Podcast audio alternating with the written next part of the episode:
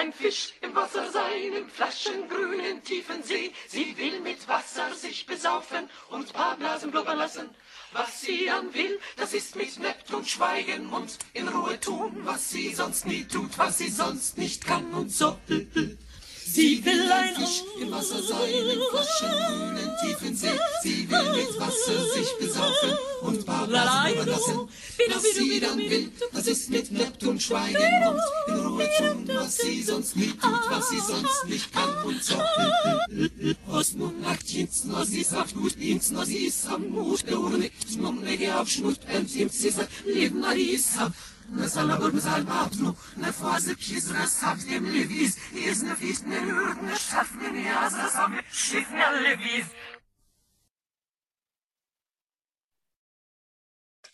Uh, welcome to the A Bold Scientist Under the Shower, the show of uh, Radio Onda Italiana that is uh, broadcast every second uh, Monday of uh, the month through the, um, the Amsterdam Radio Stats uh, FM. Uh, today uh, there is a very uh, special uh, guest. Is somehow also to some extent also uh, a scientist, but I, I would define her as a, also as an artist or at least an art historian. Um, so she's um, she's Lydia Beerkens and uh, she's indeed, as I was uh, uh, telling before, an expert uh, in uh, uh, art conservation. And she's here with us because she's gonna tell us a little bit about restoration, art history, and most importantly about restoration of modern art. Um, so um, I will leave now the floor to Lydia. At least uh, probably she will be uh, better in uh, introducing uh, herself. How, hi, Lydia. How are you doing? Hi, Francesco. Thank you for giving me the floor. Uh, thank I'm you. Lydia Beerkens. I was born in uh, Maastricht in 1963, and um, um, I am currently conservator of modern and contemporary art um, mostly three-dimensional art, large sculptures, outdoor art, um, and also a bit into paintings.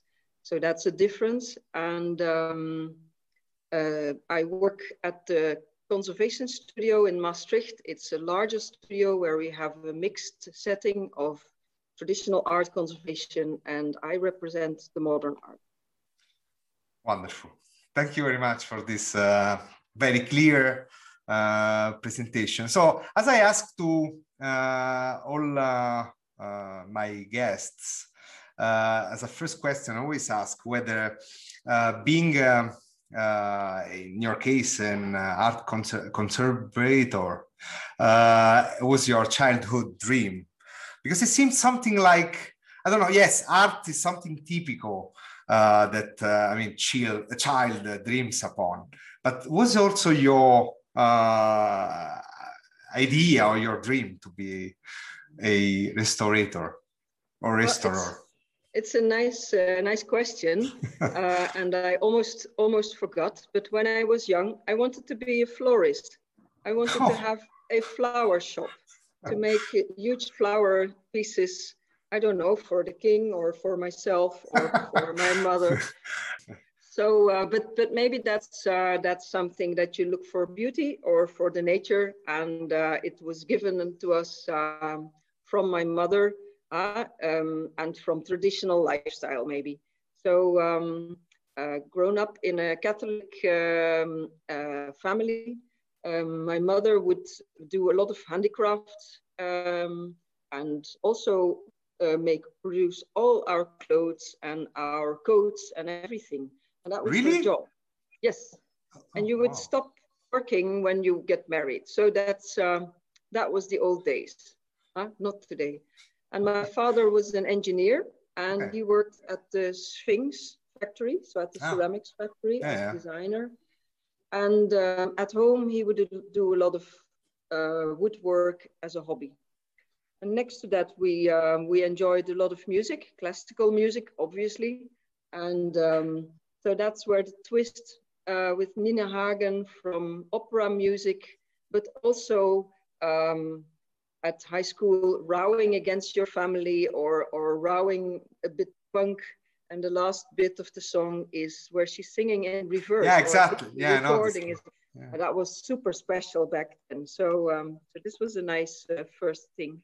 So you get this then uh, so your passion uh, for art was uh, was a bit inspired by your by your parents well um yes maybe or where, or where it was coming from um, I had, uh, we are with five children at home, and uh, I was number four, and I had my oldest brother, of course. Huh? So you you aim for the highest, and uh, he already was studying philosophy, and he would philosophize with me about beauty or art, and uh, I went with him to the modernist art uh, shows, for example, Westkunst in Cologne where you could see pieces of chocolate with uh, insects in it as a modern artwork, or something of neon tubes, or something, I don't know, huge with a chicken on top or a goat in between, and colors and tires, everything mixed together. So not at all a painting with a still life with flowers on the wall. So I was intrigued by that. I kept that in mind, but you couldn't study modern art or contemporary art because it's not history yet. So I went for art history and uh, I did various things, but not the traditional Rembrandt or Rubens or Vermeer as you would do in the Netherlands. So there were still, there were still, sorry if I interrupt, but there was still some, this kind of punk uh, kind of uh, attitude of going against or not, I don't know. If, if you like, if you like. So uh, um, expressionist architecture from 20th century, but I combined that with um, Romanesque architecture very early, um, and also with um, uh, medieval sculpture because that was nice, three-dimensional. And in between, um, my uncle, who lived in Rome for all his life, um, he invited me over to come to the Museo Francescano at the Capuchin monks. But then I stop and, you uh, here because yeah. uh, I want to create a little bit of uh, suspense because I would like to uh, put a song that hopefully will remind you about that uh, period. Mm-hmm. So uh, I will leave you uh, with Mina e mi sei scoppiato dentro il cuore.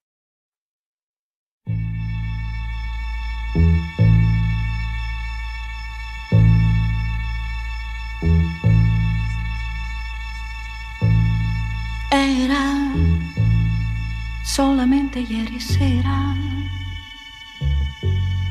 Io parlavo con gli amici, scherzavamo fra di noi. E tu, e tu, e tu, tu sei arrivato.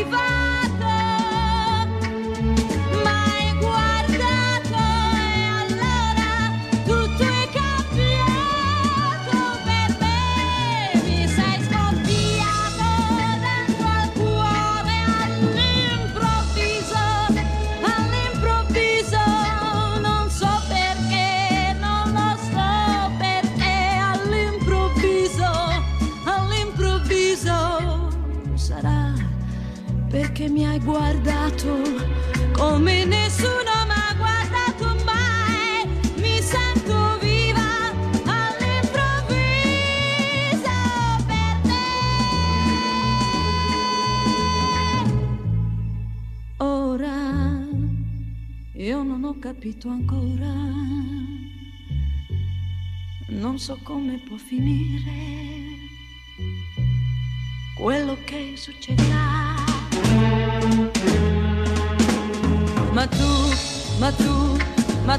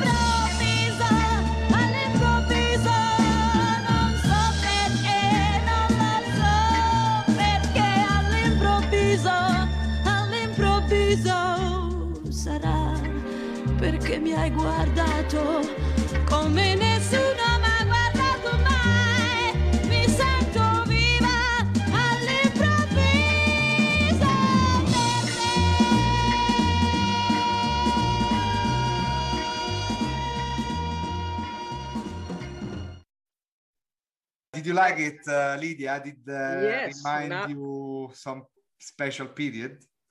Now I will have to look up all the words. But um, for me, um, it was so nice to sit in the evening with the monks with one glass of wine on the rooftop. And, uh, and you, you think they live a closed life. And, uh, and my uncle, he, he was uh, total in favor of Mina. And she has a beautiful voice. It's Oh really my nice. God! So- Yes. Okay. Nice. So, so when in Rome, um, I worked. I was allowed to work um, not as an art historian, but my uncle would also say, maybe you can clean this, or we we need to repair something. So, Capuchins are very much um, into reuse of material, repair, uh, and do it yourself. So. Um, uh, maybe that's uh, that's where it started to uh, to be allowed to touch an artwork to see how special that is something really from the time of San Francesco it should uh, appeal to you. Um, very early things so um, so that's sort of the magic and um, that didn't go away. So when I finished art history um, they invited me for a PhD, and then I thought I'm going not going back into the books. I want to to work with my hands to see how the original was made, also to experience the lifetime of an artwork, 100 years, 500 years, and also the the things that might have happened to that artwork. So the the whole idea of restoration that you go back to the original is non-existent. So basically, Lydia, the your passion to art history and the, the, the will, the strong will to touch and to be involved in the in the artwork probably was the inspiration for you to be uh, to uh, to make the restoration your your job. Yes. Right? Yes. I think it started it started there. It's only if you think back that it comes together. But when you're on track, you don't know. It seems Yeah. as if you're you're taking a different road all the time. Yeah, true. So um, um, and then uh, it was possible to uh, to do to study the um, um, restoration itself. So training for panel conservation, for restoration of paintings on canvas, etc. So the traditional trade. Still had in mind the modern art. So I was still on the lookout. Where can I escape? Where can I do something different? And um, back then, um, the opinion was still modern artists make rubbish. They glue things together that look like nothing. It's ugly anyway, and it will fall into pieces. So why spend money on it? Why would a res- conservator use expensive brushes or a nice scalpel or a microscope on contemporary art? Uh, Lydia, uh, can I ask you something before going uh, into the the restoration of modern art? Probably is is good and and uh, useful uh, to really uh, define what the restoration is in general, uh, because there might be some some misunderstanding and some uh, uh, false myth out there. So probably it's nice if the listener listener start to understand properly from an expert what restoration is. Mm. Well, it's difficult to put that very short, but basically, I the idea of art conservation is that you preserve the artwork for the future as good as you can, um, that you conserve to save or, or consolidate or whatever to save the original material. And you are also obliged to um, to save the authenticity of the artwork. So you have to look into the concept, the context of the of the original. And um, as a practical matter, if you perform a restoration, you should never overdo it. So the glue should never be stronger than the original. Your retouching should never go over the original. It should be visible for the next generation of conservators that your addition is not original, but it's maybe to, to fill the gap or to repair the edges or to put a nice frame around it. You have to be respectful. So the artwork is the top, even in a damaged state, and you are allowed to conserve, to safeguard for the future, and maybe retouch a bit for the ethical, aesthetical experience for the public. So if you enter a museum, artworks will have a certain level of restoration and maybe a medieval Madonna in a golden robe and blue uh, paint and pigments um, might be in a church uh, worshipped with candles and people pray. So there's a religious context. And in a museum, there's a aesthetical art historical context. And all those things you have to keep in mind before you interfere. Okay, so it depends also, the restoration is also uh, strictly related to the context that that artwork is in. Definitely. Yeah. Okay. You have to study that and you have to combine that. Or you do that together with a curator or with the museum or the owner, maybe the church says, I want to repair this saint because it is the main saint of our city or of our church. Yeah. But your passion, and uh, so I'm, uh, I interrupt you before, your passion was to restore indeed modern art. At least um, I wondered why there was no restoration of modern art because the modern art will be historical art anyway at some point. Yeah, exactly. Yeah, yeah, sure. So why wait for the huge gap if you immediately can uh, can work with that? There was another thing, modern art conservation at that time was case-based. So every case study seemed to be different. Every artwork seemed to be unique. Every artist would say he or she's unique. And uh, I thought there should also be groups, zero art, installation art, outdoor sculptures, artworks with plastics, there must be a generalization possible that you approach some of these groups in the same way. Uh, so in terms in terms of restoring yes. those, okay, interesting. Okay, in order to have some guidelines, Lydia, or what was the, the intention of group them or categorize them in uh, in in groups? What what is the the the, the rationale? rationale is um, is uh, that you go from uh, from from case-based work to uh, guidelines and to standardization. Yeah. So if restoration is to be a new specialization inside the trade of art conservation, then we need new tools. Yeah. And obviously, uh, at some point, the artist comes in. So the difference between traditional art, where the artist is not alive any longer, we cannot ask Vincent van Gogh whether he really painted outside or not, whether he used certain pigments or not. Um, with modern art, you have that advantage. And it may also be a disadvantage because exactly. you have to deal with that. Exactly. So um, before going to the core of the show, I just would like to, again, just to uh, make everything uh, clearer. What what is if, in few words? I know that it's very difficult. If you can define modern and contemporary art. So if you look at art history, they would say that modern art already starts at the Impressionist with Monet and Manet. And um, when you leave the art uh, traditionally, that is for churches or for a king or something, um, my definition inside uh, restoration would be modern and contemporary is everything that is non-traditional in the making technique.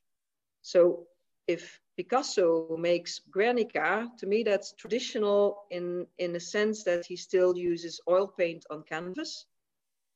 But if he, in the same year, glues a, um, a saddle of a bike with uh, some horns and a half a violin onto a newspaper and in a frame, that would be modern. So Picasso So then is also modern. That would be to me modern and contemporary, as in new for that time, new in technique, new in making technique. And um, And material also. Yes, yes, yeah, yeah. So, so he doesn't use it in bronze cast or in sculpting in in uh, in stone, but he puts together a material that he finds that he reuses, and also in 1910 or 1920 they would start to use cellulose acetate or um, the first plastics with ropes and in uh, abstract construct, uh, constructivism artworks. So that would be really new, really against the tradition of academia of painting and bronze and marble. Okay, very clear. Thanks a lot. Uh, I'm gonna uh, stop you there uh, other couple or two or three minutes just because I think the next song uh, will also kind of complete a bit the idea of what modern art is. And indeed is uh, a tango. Uh, it's called Por una cabeza.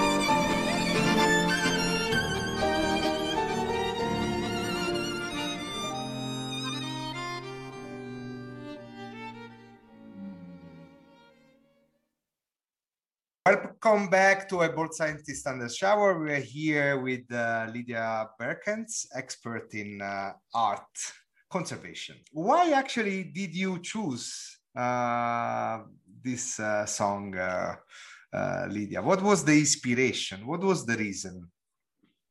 Um, the inspiration is that this is a very nice and very well-known song, but um, recently it uh, it reoccurred to me that it is connected to the movie Scent of a Woman, and um, also that is a, a, very interesting concept to to see that you need all your senses and not just your eye.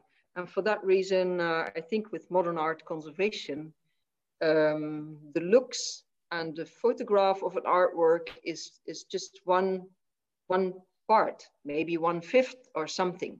It can have a smell, it can make a sound, therefore it will be time-based. It will need some time before you explore it. Um, maybe it is in a certain environment, um, in a dark room where lights are flicking on and off or sound together with what you see. So contemporary and modern art um, has to do with all these things. So almost to theater, almost to a performance, almost to an orchestration um, with the score that you follow. So the boundary becomes really subtle between all those forms of art, right? So now you make us very curious after having defined restoration modern art. What is your daily job? So what do you so how do you approach the restoration of uh, uh, modern art, modern artwork? Mm. So uh, the approach is maybe is maybe simple and almost uh, simplistic, uh, because the fun for me is that I never know what I'm going to get.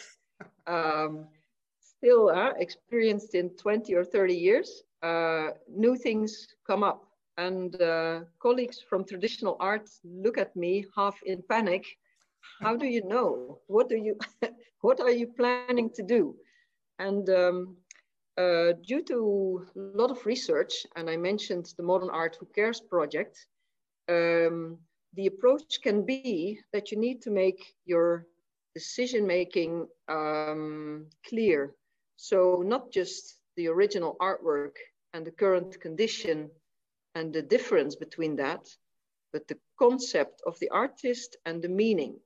So if the artist plans to use old material and noisy machinery, uh, then the restorer, the conservator, can never uh, repair that machinery because then the, the creaky sound is gone.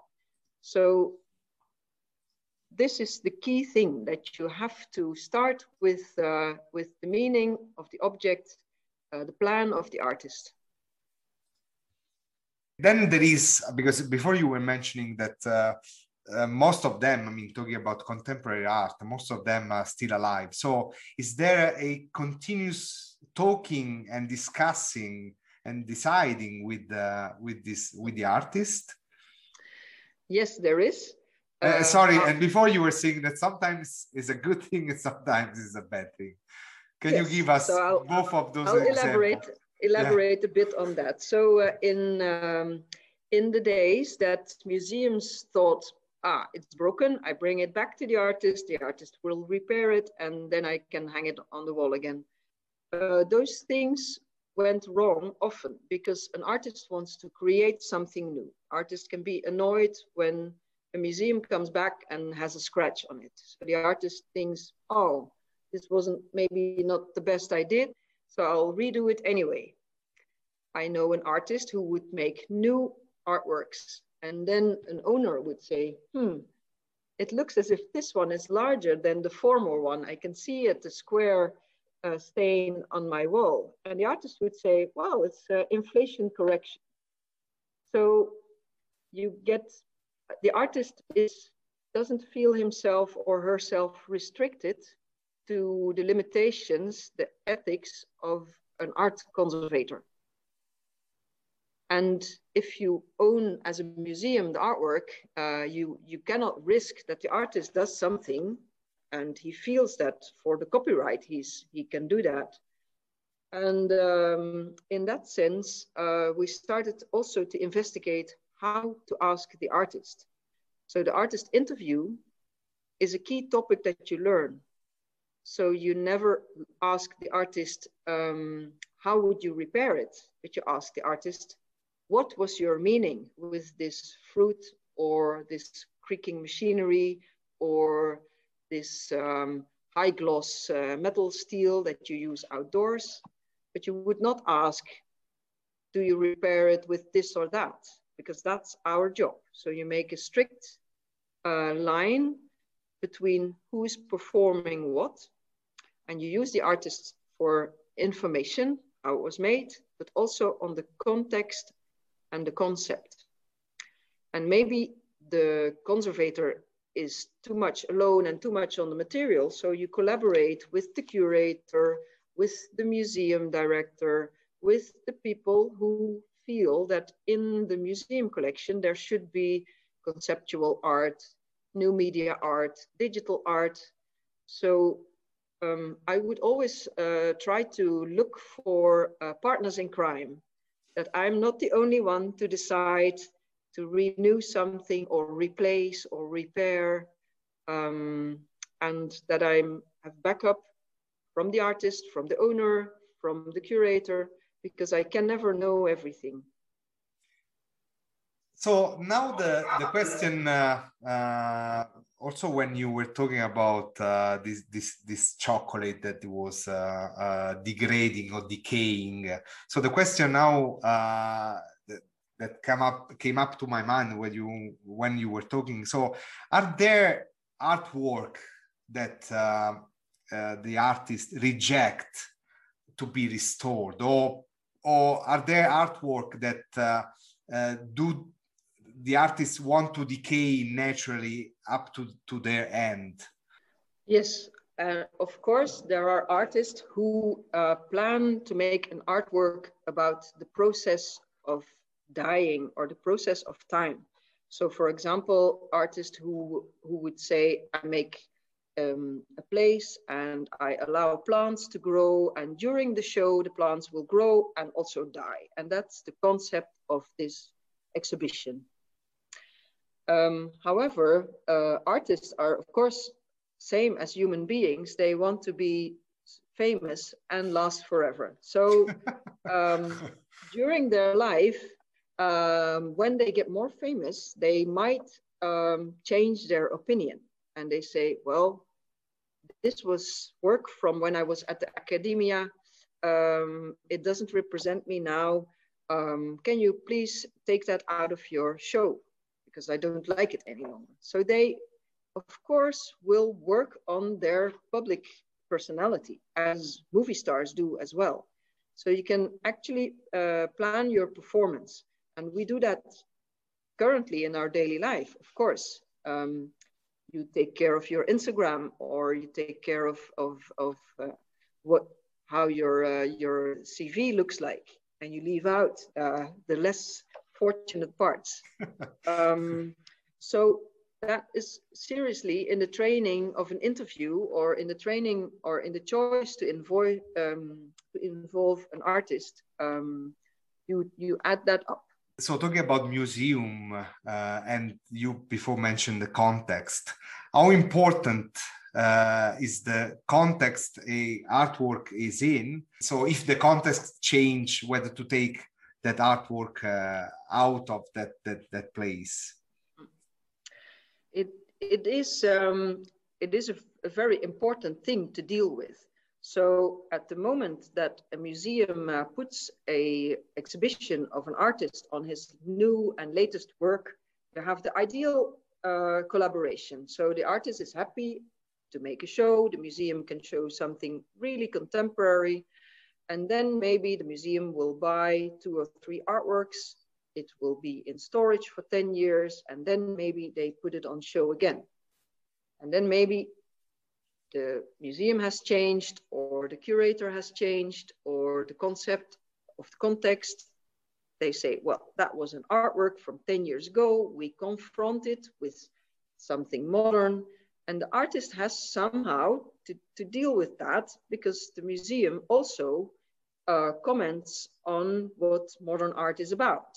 And an artist can never claim as a single person uh, all the space unless it's a famous and very important artist or um, or with very strong opinion or when the museum still wants to keep a good relationship.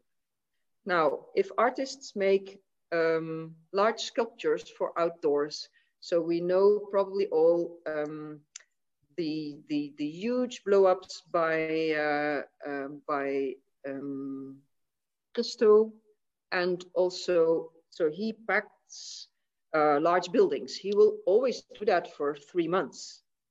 He can never claim to, to keep that on for, for 10 years, huh? to pack the Arc de Triomphe.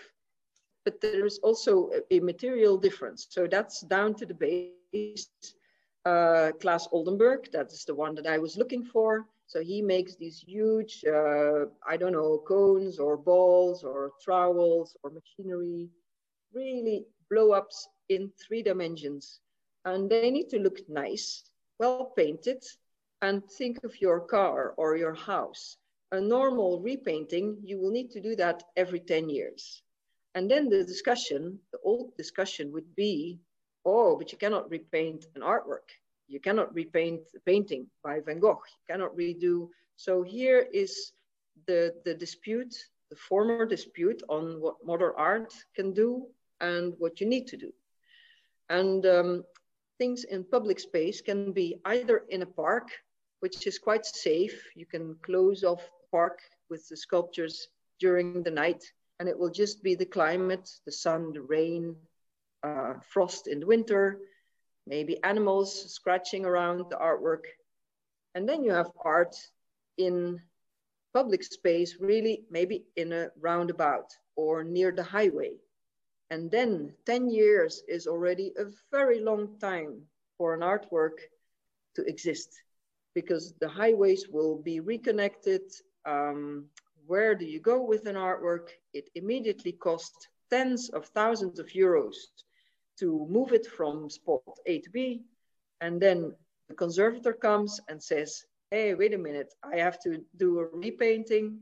So of course, it's nice to have um, um, huge and big artworks. We always did.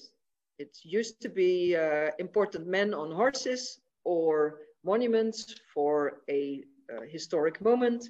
And today we have the modern works, but you will have to continue your maintenance, either in a museum building with uh, protected climate and gloves and everything, or outdoors with a program the street artwork of Bansky. Uh, so uh, it's it's in this case the, the, the thing is even more peculiar because you have uh, I don't know probably the impossibility to communicate with someone that doesn't want to uh, show up himself. So how uh, you can deal with those personalities.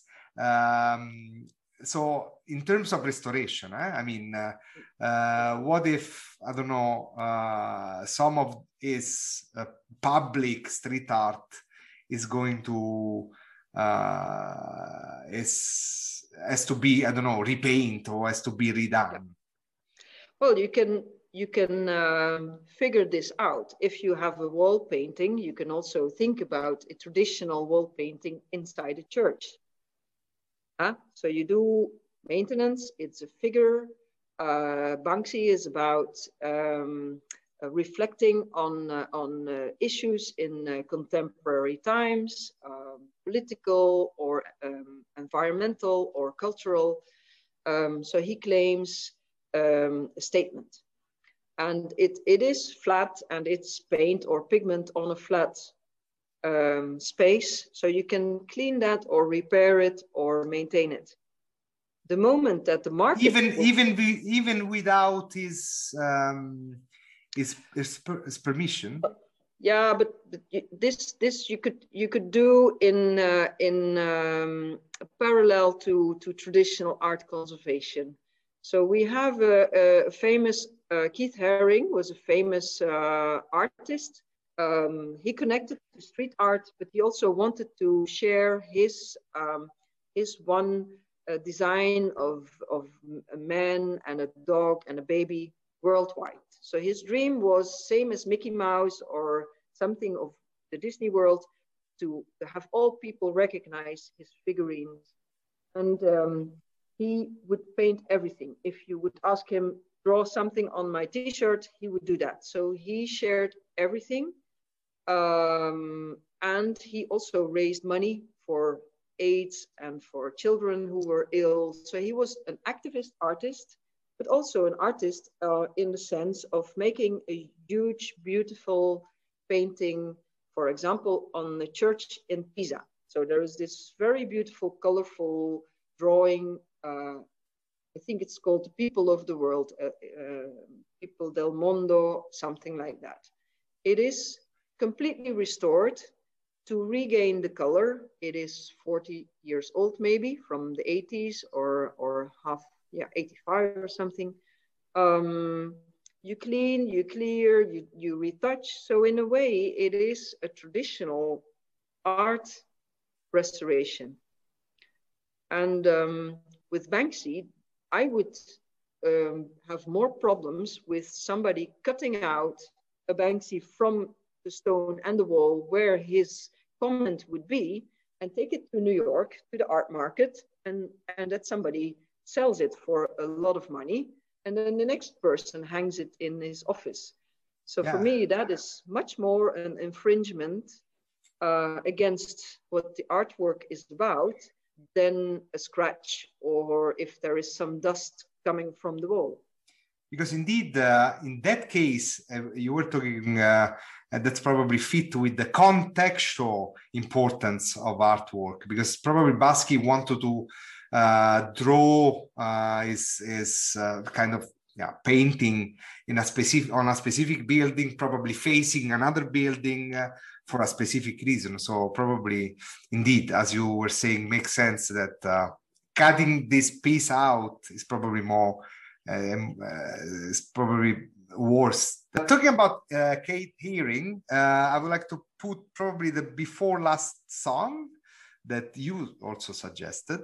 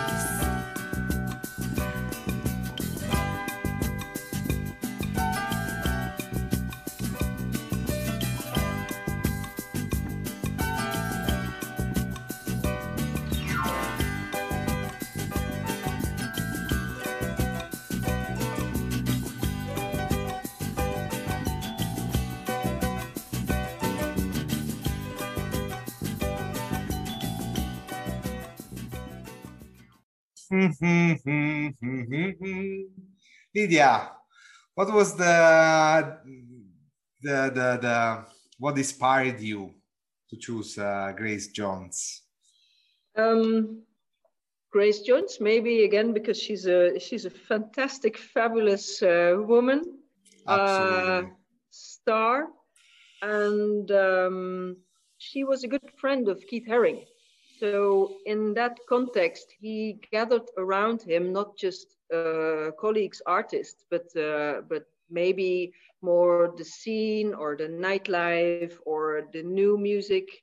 And uh, Keith Haring also um, uh, had music on during his work, and that would be the newest disco and breakdance music. Uh, so that was that was really the top. And this kind of uh, of, of, of evening uh, party music. Um, compared to other painters that I know, they would play classical music because it's ongoing and silent and they can concentrate. And he was more into the beat. So there are some CDs and it's always into the beat and uh, uh, going on forever. Reminds so, me a uh, bit. Uh, reminds me a bit. Uh, that's also an art, an artist that uh, I want as a singer I want to include. Uh, uh, it reminds me a bit about Andy Warhol, that was a big friend of David Bowie. But it's very important that you name Andy Warhol. So that is also for the new time that the artist is not one singular person, but it is a collaboration, it is a group, it is a setting. Uh, so the whole story is is is much more blend in, everything is together. So the movies, the photographs, the idea of special hair. Um, so everything is going to be planned and planned much more. And for this type of artist, it is key to at least be aware of New York street life, Basquiat as well. Um, and there, if you just hang one painting very expensively on the wall because you bought it um, at the art market, um, it loses to me some of the uh, charisma, some of the the the uh, boys on the street kind of uh, rowing, uh, the, the the questions that they posed, and at the same time, of course, they wanted to make money and become famous. So I don't blame anyone, but it, it um, maybe because the, the art is not that old, we are still so close to it. Yeah. That's why we know so many things. Yeah. Huh? Exactly. Yeah. So, but uh, Keith Haring um, seems to me like a great person, and that would, would have been one of the artists that I really would have liked to have known uh, and be able to interview him. Yeah, must have be able to restore probably. I did. Oh, Keith Haring. Yes. Oh wow! Okay, uh, my bad. I didn't know. Wow. Yeah, yeah, yeah. Okay, yeah. okay. So, wow. uh, but um, oh. but then again, you would want to to know, yeah. Uh, to know. I mean, he has he has done huge wall drawings, and he would do that in one day out of his hands. So he would be very much almost a Renaissance designer, uh, un disegno, uh, yeah. that you have it in your hands, that you can continue. And I'm amazed by that it looks very simple, but it must be really a master hand yeah. in the same way. So, so in that sense, maybe modern art also can touch back uh, on on mm. art restoration and tradition, mm-hmm. and that was maybe what my PhD was about to compare if the modern art conservation was really new and totally different, or maybe also still connected a bit to the tradition. Lydia, I will talk with you probably hours and hours more. So uh, I hope you will uh, accept uh, my next invitation to the radio show. So just last question, please, uh, if you can answer in uh, one minute. Why it's so important uh, that the, the, the, government or, I mean, private companies would take care and restore modern art? I would like to, uh, to, to elaborate that, um, as I told you, maintenance is key. So preservation and maintenance, if you do that, you can do so much more than if you just wait before something is broken and then uh, if somebody sees it and then if somebody puts the, the money together. So if we, in this Corona time and if the time of the lockdown, if we love music, if we want to see beautiful things, or if we want to um, to feel supported by important things, or maybe even art that confronts us with death or difficulty, uh, it, it can help us as, as human beings and as a community. And I would say to governments, and especially the Dutch one maybe, to not calculate every four years how many visitors do you have, this is the amount of money that you get, but to, to have a continuous, uh, a strong basis, continuously go on. And maybe in the Netherlands, we try to get rid of things, clean things up. If somebody, something costs too much money, we want to tuck it away. And uh, maybe we could learn from Italy or France, or they just keep the traditional things. They stand there for ages, and maybe you can add a century again on top of it. And uh, like the, the old arena buildings, Yeah. splendid opera in it, and we can still enjoy the show, the art, and the music. Thank you very much. I think this is a great uh, ending. Uh, I thank you a lot for your uh, availability and uh, how, how nice you were and how clear and uh, uh, how fruitful this discussion was. Uh, and uh, I hope Thank really you, to have Francesco, to inspire me. Good, thank you. so I will leave you now, and hopefully we're gonna definitely uh, see each other uh, again in another uh, in the next months for another show talking about uh, more art and more uh, restoration. So I will now leave you uh, with uh, Elis Regina with the Atras Porta. Uh, it's not really related to modern art, but uh, yesterday Elis Regina would have been uh, uh, 76, if I'm not wrong. Unfortunately, she died quite uh, young, so I want to kind of homage her with this uh, song.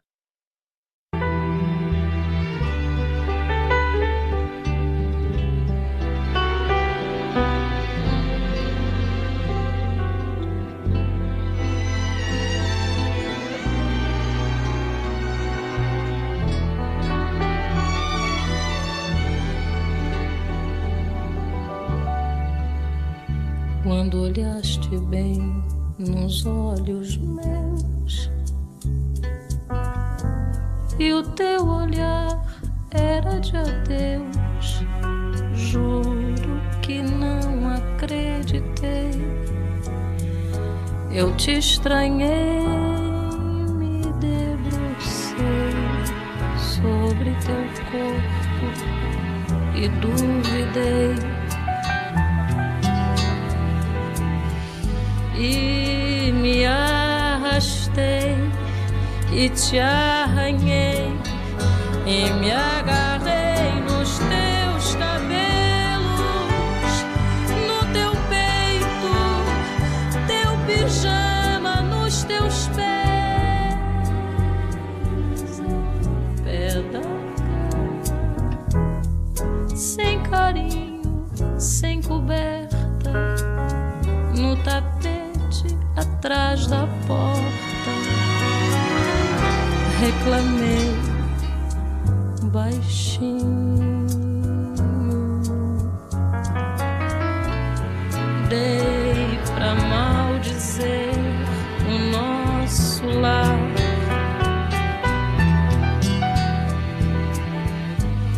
Pra sujar teu nome, te humilhar e me vingar.